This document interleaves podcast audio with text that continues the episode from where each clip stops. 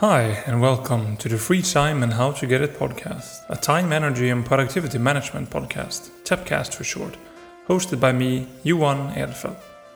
The goal of every episode is to provide you with something useful to increase your time, energy, and productivity management skills, and hopefully give you a more fulfilled life. Today's podcast is about sharing yourself, the last 10% in the 80 10 10 rule. The last 10%. When was the last time you bragged about yourself? And I don't mean in a bragging kind of boasting way. No, instead, I mean, when was the last time you actually told others what you do and how you do it? For myself, I've been very underplayed in many aspects of my professional career and I've been working actively on it to share myself in a positive manner without becoming an overly brag shouting person. Nobody likes that. It's about acknowledging the good things that you can do and that you do. It could be that you solve a project in a very efficient way that could be useful for others to take part of. What if you actually developed a solid and lean way of working for a specific type of projects? That could be a real time and energy saver. What a shame if nobody else heard about that, right?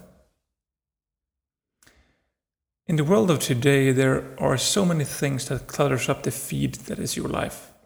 And that it could sometimes feel like it's no use sharing all the good things.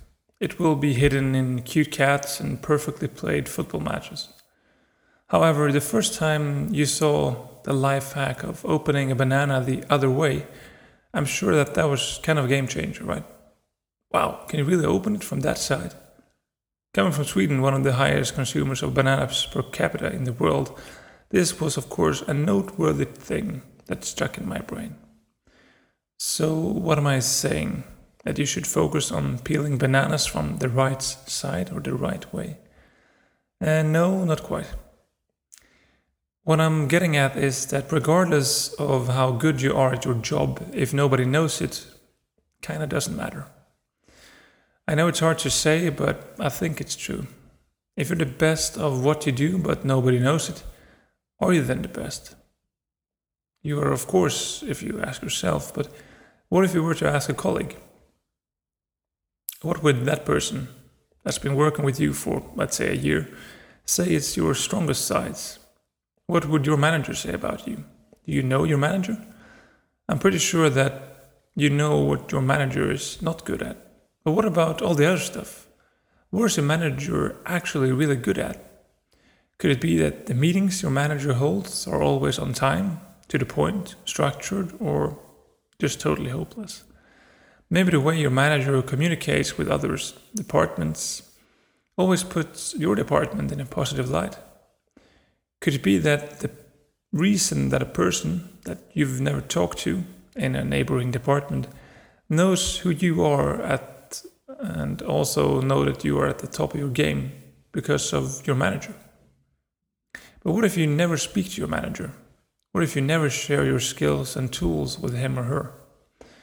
Well, then you could end up being quite an easily replaceable unit of resource, right? I do believe that we are all replaceable, but some are more easily replaceable than others. So, networking at your job. One important aspect that I need to work on is networking at my job. For example, do you know how many children your colleague in the other department have, or what he or she enjoys doing on a day off? I'm fairly certain that many of us know quite little about the people we work with at least that used to be the case with me. I used to be very focused on the task at hand instead of the stakeholders involved in making that task a success. That's work time badly spent. If you do an amazing job, but the fruit of your work, well, the fruit doesn't have to be a banana.